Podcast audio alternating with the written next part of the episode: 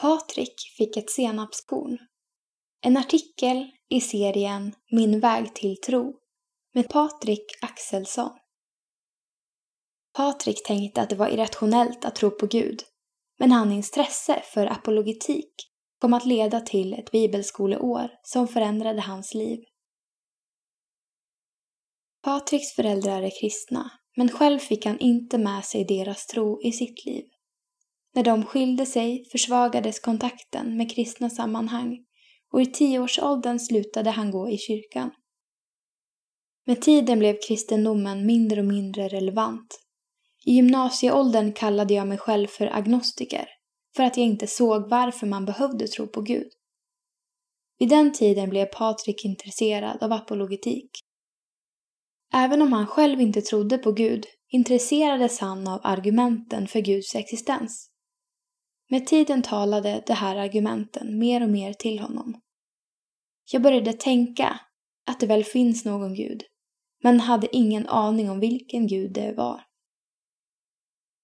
Året på bibelskolan Några år senare bestämde sig Patrik för att gå på Strandhems bibel och lärjungaskola. Han kom dit med en vag gudstro, utan förkunskap om vad kristendomen egentligen handlade om. Första halvåret på bibelskolan var i princip det jobbigaste jag har varit med om, för att jag inte trivdes. De flesta i klassen hade varit kristna hela livet och Patrik kände sig verkligen inte kristen. Men ju längre in på året han kom, desto mer trivdes han. Han förstod mer av kristendomen och den tilltalade honom mycket. Jag fick en helt annan uppfattning av vad det är att vara kristen och av vad evangeliet är. En omvälvande andakt. En gång skulle Patrik hålla en andakt på bibelskolan. Jag var otroligt emot att hålla en andakt. Jag kände att jag inte hade något att komma med. Skulle jag, som typ inte ens var kristen, kunna berätta något om kristendomen för de som varit kristna i hela livet?